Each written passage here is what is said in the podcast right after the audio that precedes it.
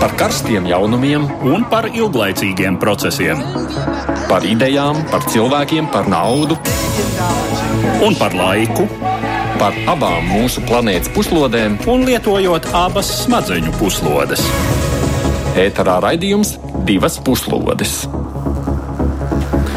Tātad laiks raidījumam divas puslodes, kurā mēs pārlūkojam, kas tad interesants pēdējo nedēļu laikā ir noticis pasaules politikā. Studijā esam mēs, Edvards Liniņš, Aidis Tomsons, nu un tad tuvākajā stundā plašāk pievērsīsimies šādiem trim tematiem.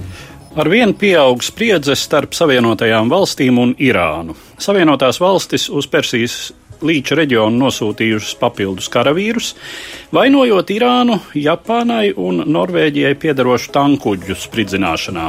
Vai tiešām Persijas līcī var uzliesmot bruņots konflikts? Tas ir jautājums, kas uztrauc daudzus. Savukārt ar milzīgām protesta akcijām pasaules mediju uzmanība ir pievērsta uz Hongkongu. Nedēļas nogalē ielās izgāja divi miljoni, lai protestētu pret projektu ļaut Ķīnai izdot aizdomās turamos.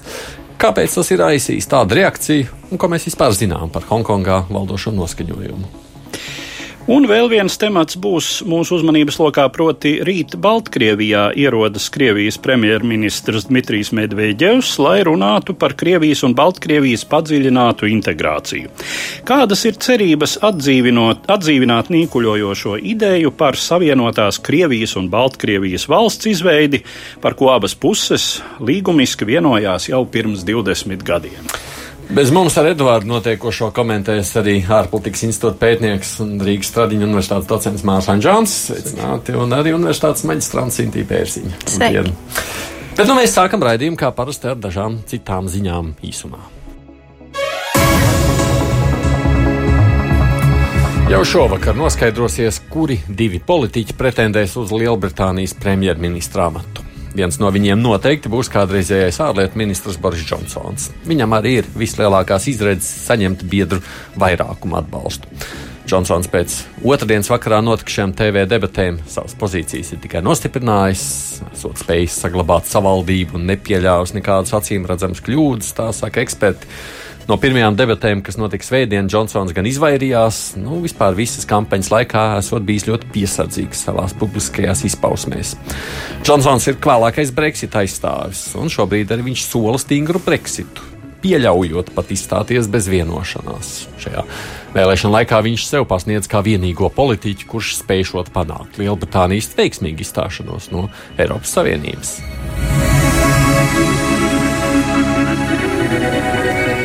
Esam jau plašāk runājuši par Albānijas un Ziemeļa Maķedonijas vēlmi iestāties Eiropas Savienībā. Šonadēļ abas valstis piedzīvoja vilšanos, kad Eiropas Savienības līderi atlika lēmumu pieņemšanu par sarunu uzsākšanu. Eiropas komisija uzskata, ka gan Albānija, gan Ziemeļmaķedonija ir īstenojuši bloka prasītās reformas un sarunas par iestāšanos ir jāsāk nekavējoties, lai nezaudētu uzticamību blokam. Taču vairākas valstis, tostarp Francija, Nīderlande, ir noraidoši noskaņotas pret jaunu dalību valstu uzņemšanu.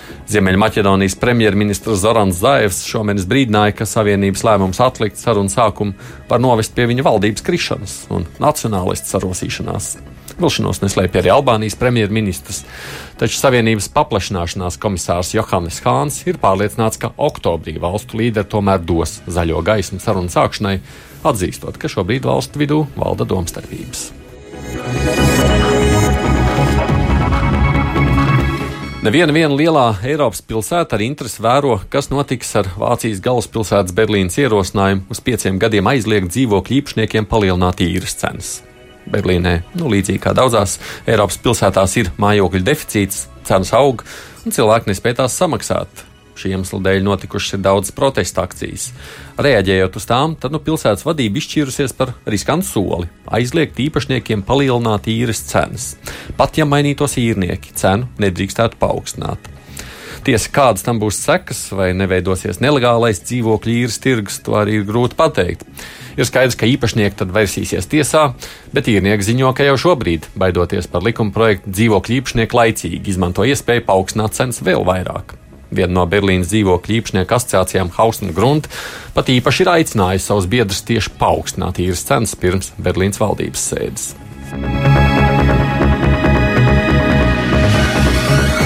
Vāciju runājot, Eiropas Savienības tiesa ir pasludinājusi, ka Vācijas iecerētā nodeva ārvalstniekiem par autoceļu izmantošanu neatbilst Eiropas Savienības likumiem un nebūs ieviešama. Tas nozīmē, ka Vācijai būs jāmeklē kāds cits risinājums ceļu infrastruktūras uzturēšanai. Vācija bija nolēmusi no nākamā gada ieviest obligātās viņetes, kas maksātu 130 eiro gadā, bet nu, paralēli tiktu radītas atlaides ceļa nodoklim pašiem vāciešiem. Šāds viltīgs manevrs nodrošinātu to, ka realitātē par autoceļu lietošanu maksātu tikai ārvalstnieki. Šis likums tad nu saniknoja vairākas Vācijas kaimiņu valsts, visvairāk Austriju, kas iesūdzēja Vāciju tiesā. Nu, Eiropas tiesa ir atzinusi, ka šāda prakse nav īstenojama. Austrija jau ir paudusi prieku par pieņemto lēmumu, sakot, ka tas ir signāls par godīgumu Eiropai.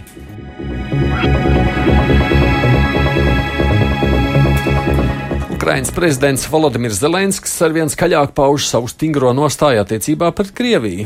Šodien viņš ticies ar Vācijas kancleru Angelu Merkeli. Tikšanās laikā daudz runāts ne tikai par Ukrainas un Vācijas attiecībām, bet arī par attieksmi pret Krieviju. Viņš ir aicinājis ne tikai mīkstināt Krievijai noteiktās sankcijas, bet tās paplašināt. Mana attieksme ir vienkārša un skaidra. Sankcijas ir vienīgais līdzeklis, kā atbrīvot okupēto reģionu un atjaunot mūsu teritoriālo nedalāmību un suverenitāti un panākt mūsu cilvēku atgriešanos. Ja tas nestrādā, mehānisms jāpaplašina, tā ir izteicies Ukraiņas prezidents pirms tam intervijā žurnālistiem. Jāpiebilst, ka Vācija ar Franciju ir tās valsts, kuras cenšas būt kā vidutāji, lai izbeigtu kara darbību Ukraiņas austrumos.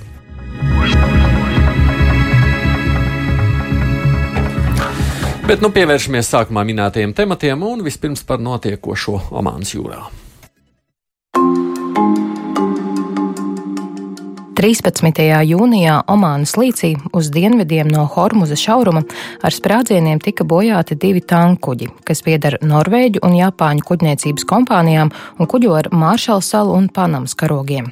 Sprādzienu rezultātā nelielas traumas guva viens Japāņu kompānijai piederošā tankera apkalpas loceklis, taču abi kuģi palika uz ūdens un tika nogādāti apvienoto Arābu Emirātu ostās. Pēc visas spriežot, tas bijis profesionāli plānots un īstenots uzbrukums, kurā kurā izmantotas kuģu korpusiem piestiprinātas mīnas. Spridzekļu jaudu un novietojums izvēlēts tā, lai kuģi tiktu bojāti, bet netiktu nogramdēti, tā radot cilvēku upurus un plašu vides piesārņojumu. Tas vedina domāt, ka operāciju īstenojuši profesionāli militāristi. Savienoto valstu administrācija valsts sekretāra Maika Pompeo personā nekavējās vainot notikušajā Irānu, kā pierādījums izplatot no lidmašīnas uzņemts fotogrāfijas un video, kuros redzams, kā vienam no tankeriem pietuvojas ātrgaitas skuteris un uz tā klāja esošie ļaudis glābšanas vestēs veids kādas manipulācijas. Kā apgalvo ASV pārstāvji, tie ir Irānas revolucionārās gvardes speciālo uzdevumu vienības karavīri, kuri noņem no tankuģa sāniem tur piestiprinātu, bet neeksplodējušu spridzekli. Savienoto valstu tūlītējā reakcija bija savu militāro spēku palielināšana reģionā ar vēl tūkstoti karavīru, papildus tiem 1500, kuri turp tika nosūtīti jau maijā, kad līdzīgu uzbrukumu piedzīvoja četri tankeri apvienoto Arābu Emirātu teritoriālajos ūdeņos. Tikām Irāna noliegusi jebkādu saistību ar šo uzbrukumu, tomēr grūti iedomāties citu reģionu valsti, kurai būtu gan iespējas, gan motīvs tā īstenošanai.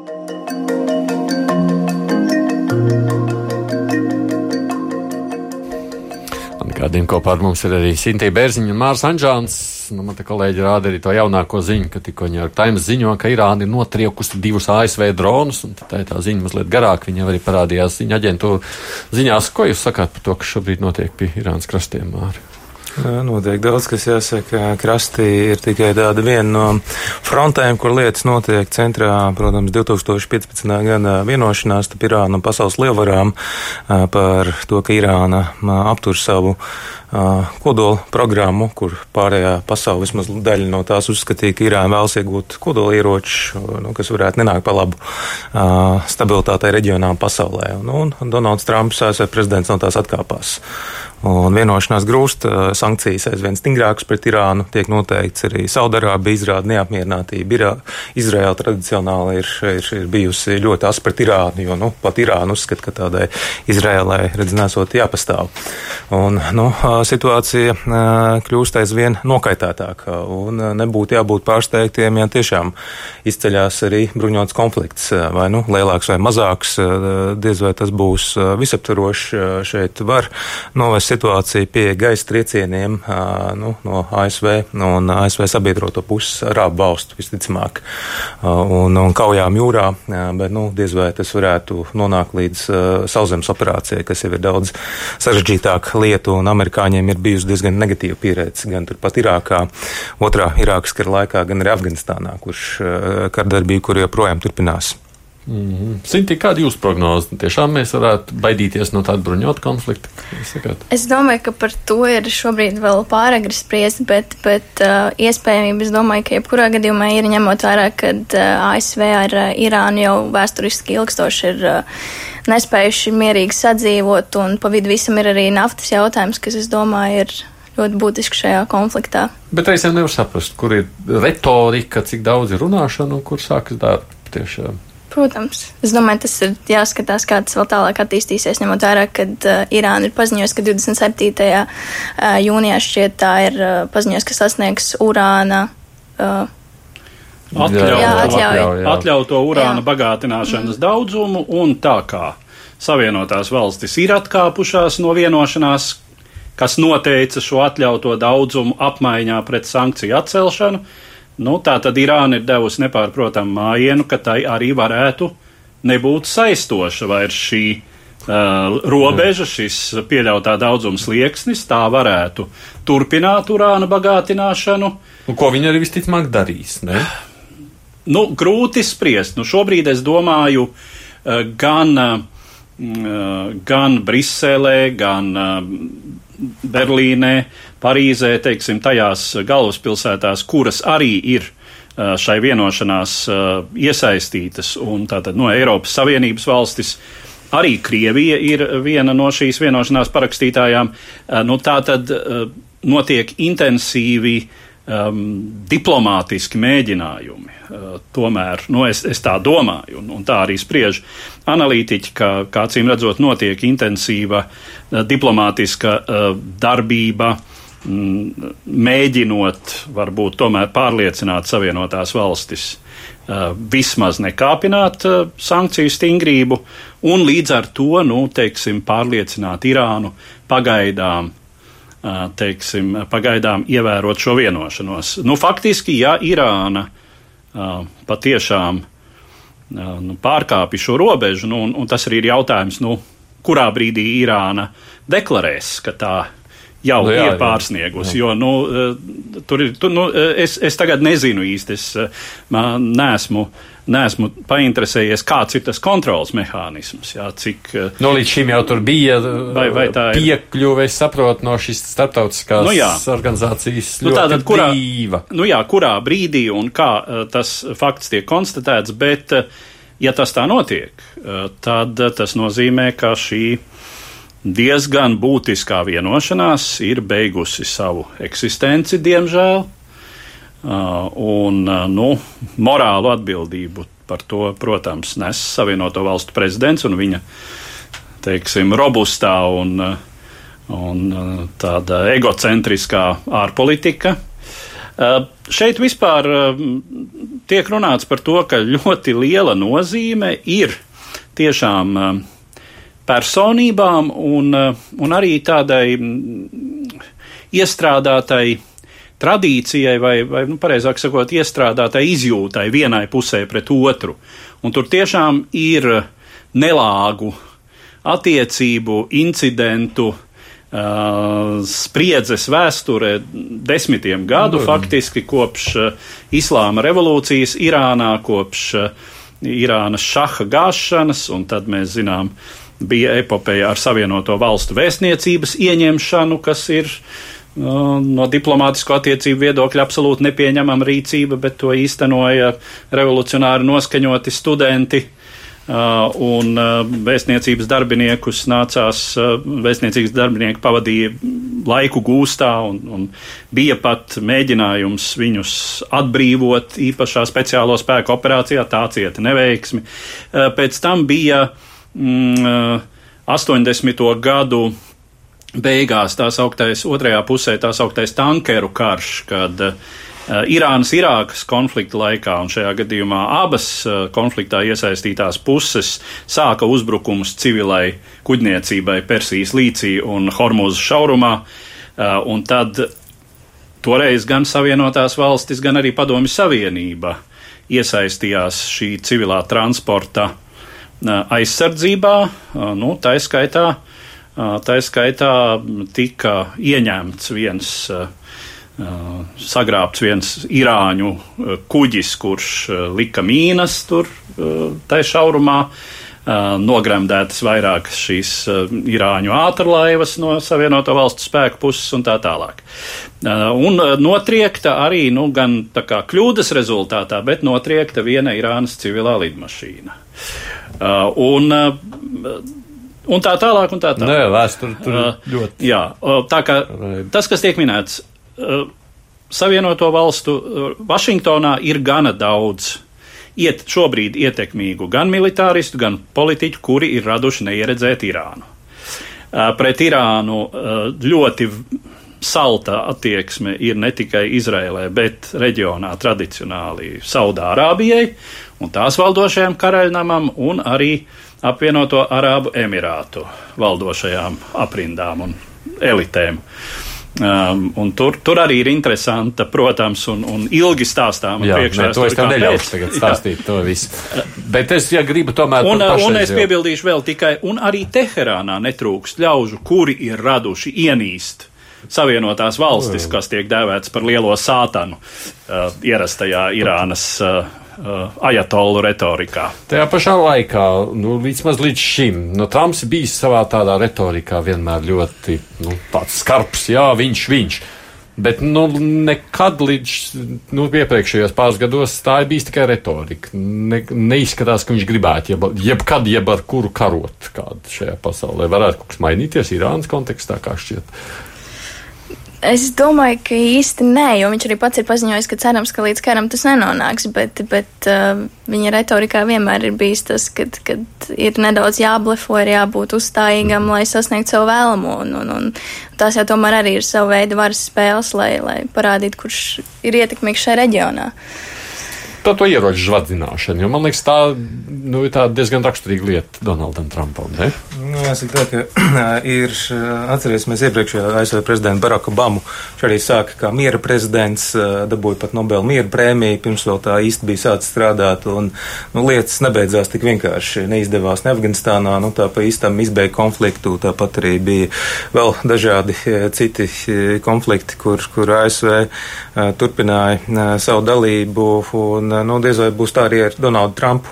Domāju, ka gatavība ir pietiekami augsta. Ja Irāna provocēs situāciju tālāk, domāju, ka rīcība var sekot. Un, domāju, pilnīgi noteikti mums nevajadzētu glorificēt Irānu. Irāna tāda, nu, pēdējā gada laikā, kopš kodola vienošanās, kļuva par tādu pievilcīgu tirgu arī nu, Latvijas nu, diplomātiskajā dienestā uzņēmē darbības ideja, kas tikai loģiski, nu, jauns iespējas pavērtos, bet, nu, paraudzīsimies uz pašu valsti, kas, nu, absolūti nav demokrātiska sievietēm, faktiski nekādas pilnvērtīgas tiesības nav. Nu, tās jau ir, tur te nevienam tur tajā. Jā, nā, nāvis sodu izpildi ir viena no augstākajām pasaulē. ASV arī apsūdz Irānu un ne bez pamata par dažādu teroristisku vai daļai teroristisku grupējumu da dalībās atbalstīšanu gan Hezbollah, Libānā un arī Sīrijā, Sīrijas karā dalību par dalību arī Jemenā, Jemenas karā. Dok, Irāna kļuvusi ir pārāk pašpārliecināta, pārāk agresīva reģionā par to, ka Irāna ir eh, jāsavalda, ka Irānai nevar ļaut tā darboties. Arī, arī Irāks, starp citu, eh, kas, eh, nu, Huseins bija sunīts un, un, un apspieda to brīdi vairākumu gan, gan kurdu, gan šītu, nu, notikusi arī Irāks šītizācija daļai. Līdz ar to tā tāda, nu, plašāka spēle reģionā, un skaidrs, ka nepatīk tas Arābu valstīm un nepatīk arī ASV, un tur, nu, nevar nekādā gadījumā tikai uz Trumpu to norakstīt, arī, nu, nu, jebkurš cits prezidents, eh, kas būtu pievērstu pienācīgu uzmanību, ja Irāna ietu ārpus rāmjiem, jo tā diskusija ir bijusi kāda, ka Irāna ir ierobežoti savā kodolprogrammā, bet vienlaikus, ko tad viņi dara? Viņi izvērš savas aktivitātes, kas nav saistīts ar kodolieročiem. Nu, viņu vara aug un Irāna ir jāsavalda. Tā ir bijusi tā argumentācija. Lielā mērā to doma arī mums Imants te turpina. Viņš rakstā, Irāna kļūst ar vien dominējošāka Rietumāzijā, un tas nav pieņemams dažam kaimiņu demokrātijām, it īpaši, ja sāli un pipars šajā Rietumāzijas vietā ieinteresēts iekaisīt arī energoeksportējošas valsts, kam liela interese ir Irānas izolācijā. Kaut vārtos aicina nomierināties, tāpēc tiek darīts viss, lai ar energoresursiem bagāto Irānu noliktu Ziemeļkorejas līmenī un mazinātu tās reģionālo ietekmes pieaugumu, kas pēc dažu kaimiņu vairāk vai mazāk korumpētajām demokrātijām ir biedējošs. Jā, grūti teikt, par kurām demokrātijām tur ir runa.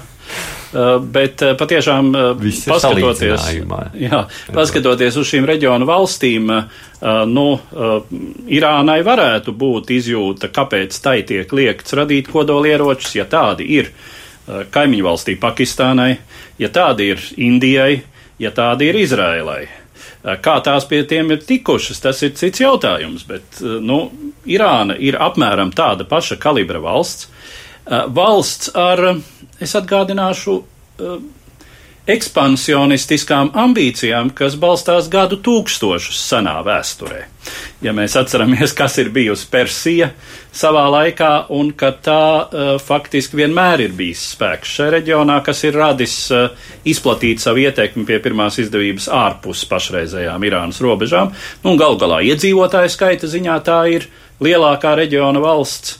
Uh, Tā kā, un, un valsts, kas ir radusi karot pret vai, vai katrā ziņā izjust spiedienu no faktiski visām debesu pusēm, eh, un līdz ar to, eh, ja mēs, ja mēs skatāmies uh, uz momentiem, kad Irāna ir piekāpusies, nu tad, eh, tad tie parasti ir bijuši momenti. Nu, teiksim, ja mēs runājam par to pašu tankeru karu 80. gadu beigās, eh, tad tas bija brīdis, kad Irāna bija stipri novājināta karā pret Irāku. Pret bet tieši, bet par šo tieši, nu, ko var izdarīt Irāna? Tad viņi sola, ka viņi bloķēs visu satiksmi, tā ka tu beigās neviens ar, ne ar kādu naftu neaizbrauks cauri, un tā ir tā retorika. Nu, teiksim tā, bloķēt eh, tādā klasiskā jūras blokādas nozīmē Irāna to nevar.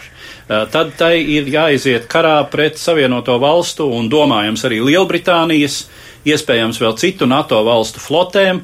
Eh, šādu spēku Irānai nav. Nu, Bet, proti, lūk, lūk, sak... šis bija šīs, šie mīnus sprādzieni. Nu, Jā. kāpēc tiek domāts, ka tā varētu būt tikai un vienīgi Irāna? Tas bija nu, tāds, me, Irāna parādīja, kā teiksim, bez lieliem cilvēku upuriem, faktiski bez cilvēku upuriem, eh, bez naftas, milzīgiem naftas pleķiem jūrā. Bet Šie kuģi, nevar, šie braukt, kuģi ja? nevar turpināt, turpināt ceļu. ceļu. Tie à, ir zaudējumi, veidā, ja? apdrošināšanas prēmiju pieaugums un naftas cenu būtisks à, pieaugums. Tas pasaulē. ir tas jautājums, ja? tas ir tas veids, kā viņi var izdarīt. Un tas ir, protams, viens no veidiem. Nu, protams, var minēt, var, var apšaudīt no distances ar ātrumu laivām, var uzbrukt uh, kuģiem, bet, nu, protams, Irāna noliedz to, ka viņi to darījusi. Un, nu, negribētu aiziet sazvērstības teorijās, bet, nu, zinot arī neseno Saudrābijas, uh, kā saka, darbību Stambulā, Kabulā, eh, kur Hašogi žurnālisti tika noslapkavots, nu, nevar izslēgt arī provokācijas, jo, nu, uh, Arābu valsts un arī ASV, nu, nevar arī pilnībā tādu iespēju izslēgt, jā, bet, nu, protams, izslēgt, Irā, Irāna ir paziņojusi, ja tiks bloķēts viņas naftas eksports, tad, nu, arī nekas neies cauri Hormuz šaurumām vairāk, kas, protams, ir ļoti svarīgs, uh, svarīgs jūras ceļš, jo tur ir gan, gan Irāka, gan Kuveita, gan Saudarābija, Katara, uh, arī apvienotie Savienotie Arābu Emirāti, Bahreina. Jā, nu, līdz ar to ceļš ir ļoti nozīmīgs un Irānai būtu ļoti grūti kaut ko tādu darīt. Bet nu, es domāju par to tālāko ceļu. Viss noteiks, cik savaldīgi vai nesavaldīgi būs tieši Irāna. Ja Irāna spēs sevi iegrožot, pirmkārt tas attiecās uz, uz, uz attiecīgi uz urāna bagātināšanu. Ja Irāna pārsniegs šo latiņu atļauto, tas nozīmē, ka kodola vienošanās ir beigta un viņi pazaudē arī Eiropas Savienības valsts kā sabiedrotās, kas vēl centās centās piedāvāt risinājumus, kā apiet ASV sankcijas. Nu, viņas bija diezgan bezcerīgas, teiksim tā, bet, nu, tomēr iespējas bija. Stāsts, Tagad, protams, ir mīnus, ir ziņas par vismaz vienu notriektu bezpilotu lidaparātu. Arī ASV ir atzinuši, ka ir pazaudējuši lidaparātu. ASV norāda, ka lidaparāts lidoja neitrālo, neitrālā gaisa telpā. Irāna uzskata, ka viņas teritorijā, nu, ja šādi incidenti turpināsies, tad, nu, var sekot līdzīga reakcija, kāda jau ir no ASV bijusi. Atcerēsimies gan triecieni Sīrijai, kas bija ļoti ierobežoti ķirurģiski, simboliski un, diemžēl, tikai simboliski, nevar izslēgt, ka varētu būt šādi triecieni tiek izdarīti par konkrētiem mērķiem Irānā. Ko Irāna var izdarīt? Irānai, protams, nav nu, tādu globālu spēju. Ir raķetes, kas var nu, pietiekami tālu aizšaut, bet nu, pilnīgi noteikti ne līdz ASV, bet līdz ASV bāzēm gan, kas ASV karavīri ir izvietoti uh, līdz reģionā. Līdz ar to varētu būt ASV bāzes mērķi, tāpat arī uh, kuģi, uh, lidaparāti un, protams, Amerikas Savienoto Valstu sabiedrotie. Izraela, uh, pilnīgi noteikti, uh, un arī uh, Saudarābija, no kura tikusi apšaubīta arī no Jemenas puses, kur ir Irānas atbalstītie hut nemiernieki. Ir pat netālu no Rijādas kritušas raķetes, kas ir no Jemenas uh, teritorijas, no nemiernieku puses izšaut. Līdz ar to, es domāju, ja Irāna savaldīsies, neprovocēs, tad tā konflikta iespēja būs mazāka, bet, ja nu, būs kāda, kā saka, sērkociņa aizdedzināt un kā cits tur piemetīs arī uguni klāt, uzlies eļļai, tad situācija var attīstīties pietiekami strauji. Un šeit jau ir jāskatās to, ka Irāna pati nav tāds unitārs aktors, jo Irānā arī ir ļoti dažādi spēki savā cī, starpā cīnās. Ir tā, tādi radikālāki un mazāk radikāli. Šobrīd prezidents Ruhānī, viņš ir tāds mērenais, kura un, un savukārt iepriekš bija prezidents Ahmedinečats, tāds diezgan asāks un arī garīgais līderis Ajatola, viņš varētu gribēt asāku kursu, un tie, tie asākie spēki jau iepriekš neatbalstīja vienošanās noslēgšanu, jo teica tāpat ASV uzticēties nevarot, apmānīs un līdzīgi. Un, no šeit ir jautājums, kas ņems virsroku Irānas iekšienē. Un, savukārt, nu, ja ASV spēki būs apdraudēti kādā veidā, tāpat arī Izrēla, pat ja ne tikai ASV, Izrēlai ļoti spēcīgs lobbijs Amerikas Savienotajās valstīs. Atcerēsimies arī Donalds Trumps pirmajā vizītē devās no sākuma uz Saudarābiju, pēc tam uz Izraēlu. Tas ļoti daudz ko pasaka. Mm. Es domāju, ar šo analīzi mēs arī šo tematu pagaidām varam slēgt, jo tur tiešām ir nogaidīšanas jautājums, bet nu, uzmanība neapšaubām tam ir pievērsta. Citu tematu turpinām par apjomīgiem protestiem Hongkongā. 1997. gadā Hongkonga no Britu aizjūras īpašuma kļuva par Ķīnas Tautas Republikas īpašo administratīvo rajonu ar savu neatkarīgu likumdošanu, tiesu varu, Pekinai tieši nepakļautām pārvaldes institūcijām, savu valūtu un no pārējās Ķīnas atšķirīgu ekonomisko sistēmu. Kopš šīs valstiskā statusa maiņas Hongkongā vairāk kārt notikuši plaši un ilgstoši protesti, kuri iemesls lielākoties bijuši Pekinas mēģinājumi pakļaut autonomo teritoriju ciešākai kontrolei un mainīt tajā pastāvošo tiesisko kārtību.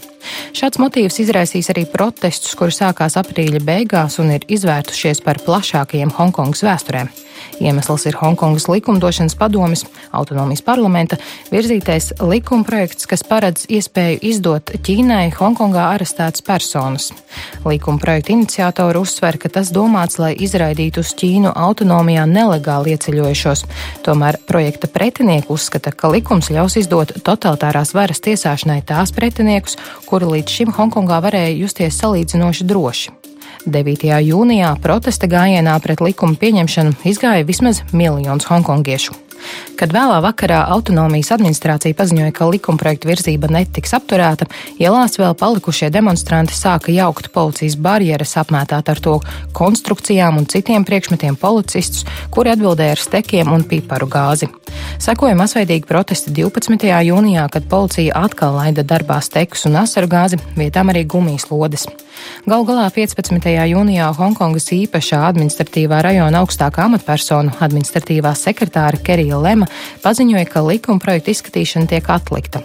Tā ir pirmā varas piekāpšanās Hongkongā kopš daudziem gadiem, taču protestētāji jau prasa daudz vairāk - pilnīgu likumprojektu atsaukšanu, sekretārs Lēmas atkāpšanos un apsūdzību atcelšanu protestos iesaistītajiem. Sociālajos tīklos tiek izplatīti aicinājumi iziet jaunās protesta akcijās piekdien un pastāv bažas par vardarbības eskalāciju starp protestētājiem un policiju.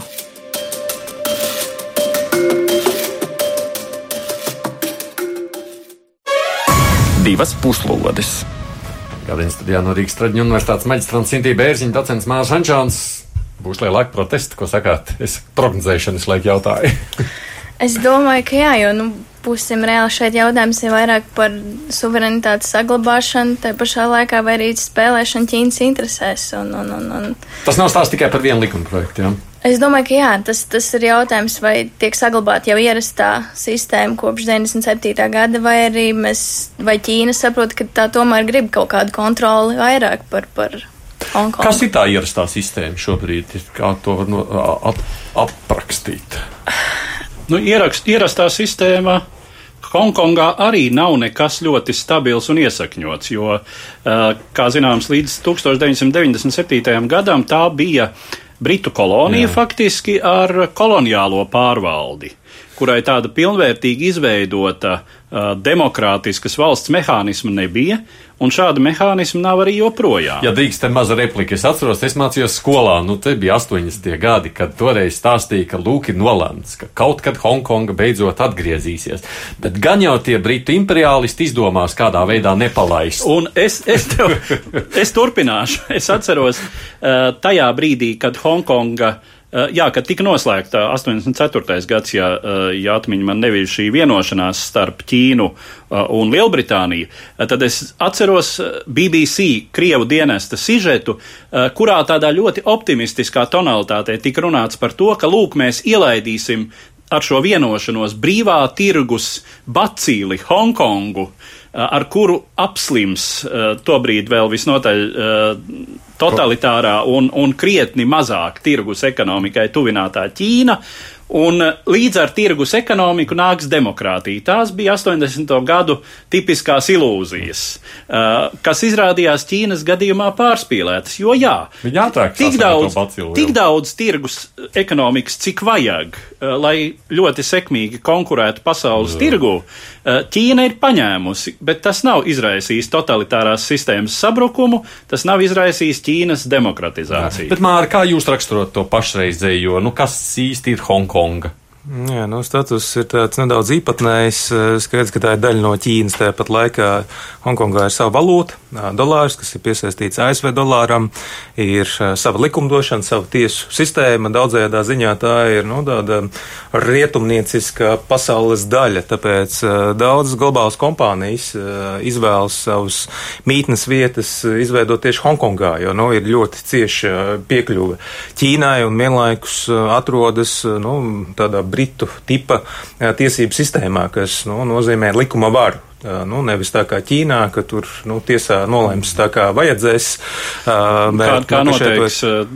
kompartijas uzstādījumi un, un nu, iespējams jā. vietējie varas vīri. Un, un savukārt Hongkongā tomēr ir likuma vara, kurai, uz ko var paļauties. Tā tad ir nu, likumdošana un, un tāda nu ir. Bet nu, tas viens termins, kas raksturo Hongkongu, parasti ir viena valsts, divas sistēmas. Tātad Ķīna, viena valsts un divas sistēmas. Viena sistēma, kāda nu ir Ķīnā, un otra, kāda ir Hongkongā. Un 97. gadā Ķīna saņēma atpakaļ Hongkongu. Uz 50 gadiem tikai tika garantēta šī atsevišķā pārvaldes forma, un tas, par ko šobrīd daudzi jaunie hongkongieši runā, kas ir pieraduši pie tomēr diezgan liels vārda brīvības, pie, pie iespējas semt, lemt savu likteni, par to, ka var runāt nu, vairāk vai mazāk, ko grib, tad tas termiņš jau ir stipri pavirzījies, nu jau ir pusē. Tātad viņi jaunieši jau redz, ka pēc nu, gadiem 20 un nedaudz vairāk jau tas viss beigsies. Un nav bijis tā, ka tie 50 gadi bija iecerēti, ka viņi būs tiešām tādi paliks, kā bija Britu pārvaldības laikā. Bet pamazām jau tiek teikt, skābeklis piegriezts, jo Hongkongā arī Kerija Lama, kas ir šī vadītāja Hongkongas, nu, nebija jau tā, ka viņi varēja vienkārši ievēlēt. Tad bija tikai no atlasītiem kandidātiem varēja balsot, un beigās tāpat ir lielai Ķīnai jāapstiprina. Ir dažādi veidi likumdošana, tikus izdota ir jauns tilts pasaulē garākais, kas pār jūru iet uz Makao, izbūvēts uz bijušo Portugāles koloniju, ko arī Ķīna pārņēma atpakaļ, un tāpat arī ātrgaitas dzelzceļa līnija uz Šenģeņu, kas ir nu, tāda, kas ir nākotnes pilsētas, pilsēta Ķīnas. Līdz ar to daudzos dažādos veidos Ķīna jau ņem atpakaļ Hongkongu. Bija arī salīdzinoši nesen Ķīna nosūtījusi savu aviācijas bāzes kuģi pirmo, un, un kur bija pat iespēja braukt ekskursijā, skatīties. Nu, Ķīna aizvien ciešāk, ciešāk sagrāb Hongkongu savā sistēmā, un nevis, nevis kā bija iecerēts tiešām, ka Ķīna varētu varētu vairāk hongkongizēties, bet šobrīd jau vēl situācijas to, ka Hongkonga kļūst vienkārši par nu, vienu no Ķīnas pilsētām. Kāpēc vēl Hongkongas cilvēki uztraucās, protams, to nu, laba laika gaitā, tad nu, Britu kontrolē jau no 19. gadsimta, no 20. gadsimta atvainojas, ir tad nu, uz turieni arī pārbēga disidenti, gan, gan bēgot no komunistiskās Ķīnas 49. gadā, kas izveidojas arī iepriekš. Nu, tur ir cilvēki, tomēr domā nedaudz citādāk, arī ir cits dialekts, un nu, viņi nevēlas zaudēt to savu īpašo stāvokli, arī, kas attiec uz Ķīnas un Hongkongas attīstību. Tad, protams, Ķīna ļoti strauji augusi, bet Hongkonga, ja tiek apdraudēts likuma varas stāvoklis Hongkongā, tad Hongkonga draudz zaudēt īpašās attiecības ar ASV un citām valstīm. Jo šobrīd sankcijas lielākā daļa ASV, ja ne pat visas, neatiecās uz Hongkongu, uh, bet attiecās uz Ķīnu.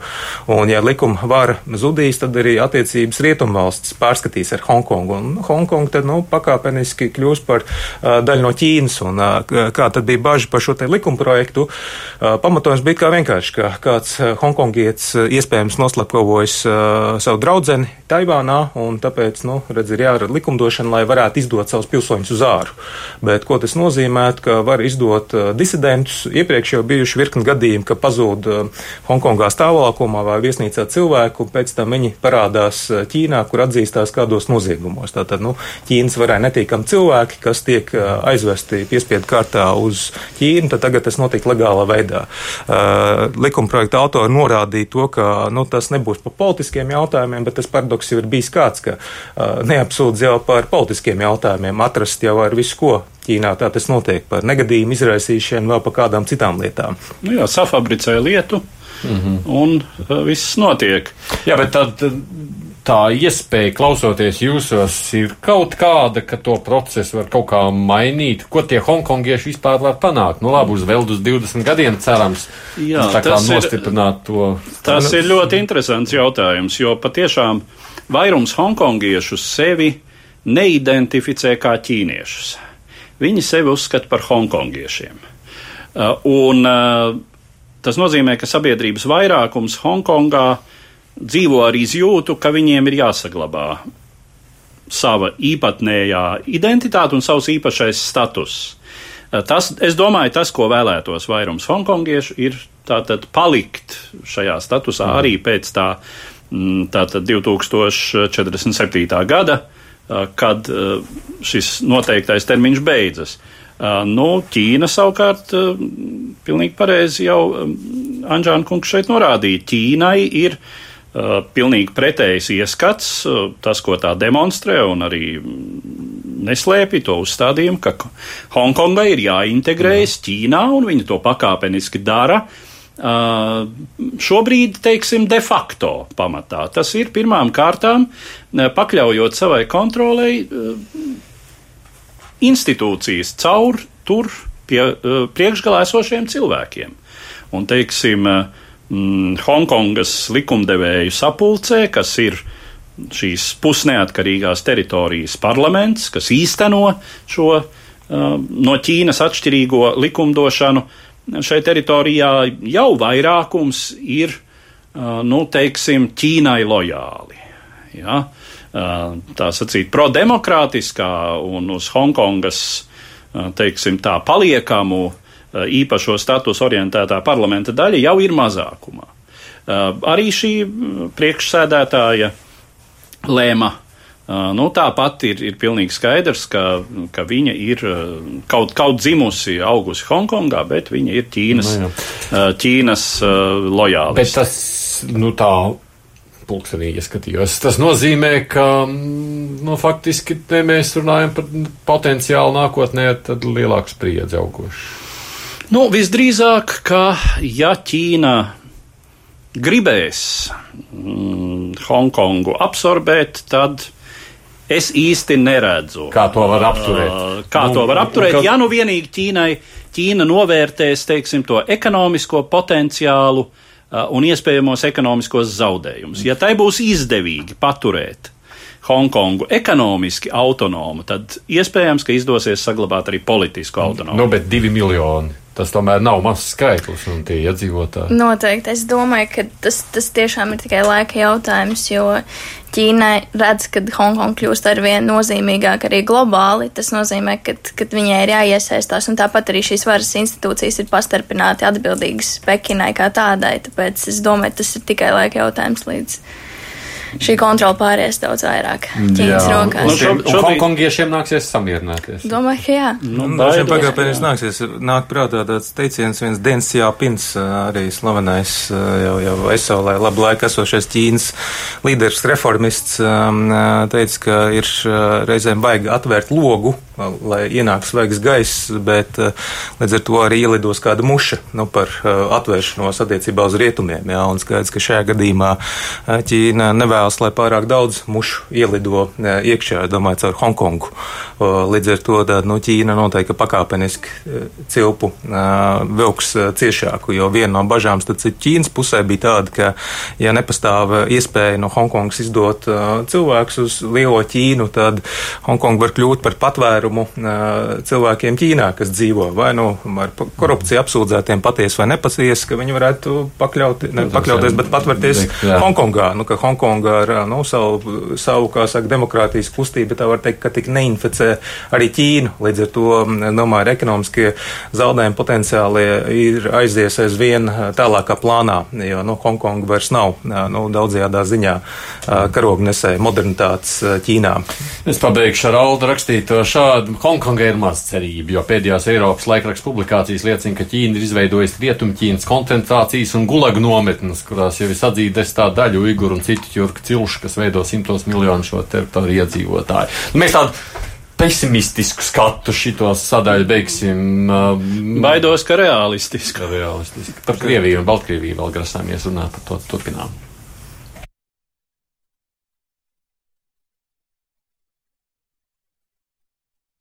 Ah, mums ieraksts tas var pazudis. Ko tādu, lai es beigās saku, nu būs jāņem izstāstīt to stāstu. Nē, nē, nu, tādu, ko tad lasām? Izstāst, apmēram. Ah, uzrādās ieraksts. Uzrādās. Klausāmies nu, tālāk. 21. jūnijā Baltkrieviju apmeklēs Krievijas federācijas premjerministrs Dmitrijs Medvējevs, kurš ar savu Baltkrievu kolēģi Sergeju Rumasu apspriedīs abu valstu padziļinātās integrācijas turpmāko virzību. Oficiāli šis integrācijas projekts tiek dēvēts par Krievijas un Baltkrievijas Savienotās valsts izveidi, un attiecīgais līgums tika parakstīts vēl 1999. gadā. Tas paredz pakāpenisku vienotas politiskās, ekonomiskās, militārās, tiesiskās un humanitārās telpas izveidi ar tādiem vienotas valsts attribūtiem kā augstākie likumdevējs un izpildvaras orgāni, valūta, valsts simbolika. Tomēr pagājušajos 20 gados reālā integrācija notikusi vien dažās darbības sfērās - robeža apsardzībā, muitā, hidrometeoroloģijas un vidas piesārņojuma kontrolē, tarifu un produktu kvalitātes kontrolē. Ir izveidot kopīgi televīzijas un radioraidījumu organizācija. Kopumā process svārstījies starp periodisku idejas aktualizāciju no vienas vai otras puses un idejas nomiršanu dabīgā nāvē. 21. jūnijas sarunās pamatā tikšot skarti ekonomiskās integrācijas, tā skaitā kurināmā un enerģētikas un lauksaimniecības jautājumi. Pagājušā gada nogalē, kad parādījās informācija par plānoto tikšanos, Krievijas medijos izskanēja pieņēmumi par izšķirošu progresu virzībā uz federālas vai vismaz konfederālas valsts izveidi. Tomēr Baltkrievijas prezidents Aleksandrs Lukašenko vairāk kārt kopš tā laika izteicies pretēji. 5. jūnijā atbildot uz blogera Jegora Ļebjadoka iesniegumu, Baltkrievijas Republikas prezidenta administrācija paziņojusi, ka Baltkrievijas puse sarunās vadīsies no savas valsts interesēm un neapšaubāmas suverenitātes saglabāšanas.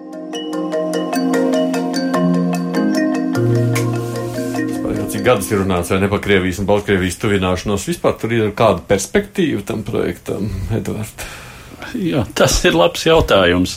Baltkrievija protams, ir ļoti cieši saistīta ar Krieviju, ciešāk nekā jebkura cita no bijušajām Padomju Savienības Savienotajām republikām.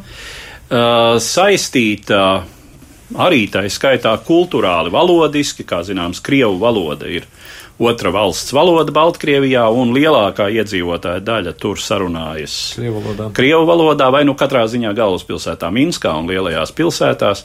Uh, un, uh, Mm, Baltkrievija pie Krievijas saista, protams, atkarība. Atkarība no kurināmā enerģētikas ziņā. Tas ir, protams, Baltkrievu produkcijai nozīmīgākais noieta tirgus, tā skaitā lauksaimniecības produkcijai. No otras puses, šīs dažādas svara kategorijas tomēr starp Krieviju un Baltkrieviju. Nu, tie nav līdzvērtīgi partneri, un ir diezgan skaidrs, ka izveidojot savienotu valsti, vai kaut vai tādu valstu konfederāciju, ja tur būs tikai Krievija un Baltkrievija, nu tad, tad Baltkrievija ne, nenugluži tas pats, kas Hongkonga Ķīnai, bet būs mazākais brālis neizbēgami, un eh, ļoti daudz Baltkrievi to tomēr eh, nevēlas. Un, kā liecina pašreizējās sociālās aptaujas, tad salīdzinot varbūt ar 94. 5. gadu, kad Baltkrievijas sabiedrībā bija liela vilšanās par uh, jauno ekonomisko eh, kārtību, par to, ko, ko atnesa tirgus ekonomika. Kā visām bijušajām padomju eh, republikām šī pārēja bija smaga. Eh, iedzīvotāji jutās vīlušies tajā, kas notiek. Daudziem šķita, ka PSRS sabrukums nav laba lieta. Un tad sentiments, eh, izjūta par to, ka varētu būt labi atkal apvienoties ar Krieviju, bija spēcīgāks. Šobrīd tas tā nav. Es domāju, samērā eh, liela nozīme te ir arī Baltkrievijas rietumu kaimiņiem, eh, kurus tā redz, uz kuriem tā skatās. Tā skatās uz Poliju, tā skatās uz Lietuvu, uz procesiem tur un redz, ka šīs sabiedrības tomēr attīstās nu jau nepārprotami dinamiskāk ātrāk, tās ir kļuvušas krietni pārticīgākas nekā tas, kas atrodas no mm. Baltkrievijas uz austrumiem. Nu, jā, otra lieta ir savukārt pats Baltkrievijas prezidents Lukašenko, kurš nu, arī tātad tajā 99. gadā taču tā kā teica, jā, labi, mums vajag kopēju valūtu, visu kopēju. Arī viņš ir kļuvis skeptiskāks. Kāpēc? Domāju, ka tur arī ir grūti vēl teikt, kāpēc tieši viņš ir kļuvis skeptiskāks, bet pēc principa es domāju, tas ir arī Krievijas interesēs, nu, tomēr virzīt šo jautājumu vairāk, jo, nu, uh, Vladimira Putina termiņš 2024. gadā tomēr ies uz beigām, un tā varbūt ir uh, papildus iespēja, kā nu, teiksim, palikt. Un, un, un, un, un, un, jā, nevis kā nozīmē, Krievijas, nevis kā Krievijas federācijas bet, bet, bet nu, jau kā Krievijas un Baltkrievijas konfederācijas. Nu, labi, tas nozīmē savukārt, nu, tad viņš vienkārši, nu tā, nu labi, tu gribi, mēs formāli piekrīt, bet reāli jau zini, ka neko nedarīsim, tā? Mm. Grūti ne, varētu būt tā. Jā, nu. Uh, nu, protams, ka šīm individuālajām attiecībām, atkal subjektīviem faktoriem, nu, milzīgi nozīme ievērojot to, ka uh, gan Putins Krievijā, gan vēl jau vairāk Lukašenko Baltkrievijā uh, ir uh, lielā mērā autoritāri valdnieki. Un, ja mēs domājam par Lukašenko, tad uh, Tad, kad slēdza līgumu, tad Krieviju vēl vadīja prezidents Jelcins, un tā bija pavisam cita Krievija, un mm. tā bija pavisam cita attieksme pret savām uh, bijušajām uh, savienotajām republikām. Jā, šis uh, tuvo ārzemju un, un Krievu pasaules jēdziens ne, ne tu nebija tik izvērsts kā tagad. No.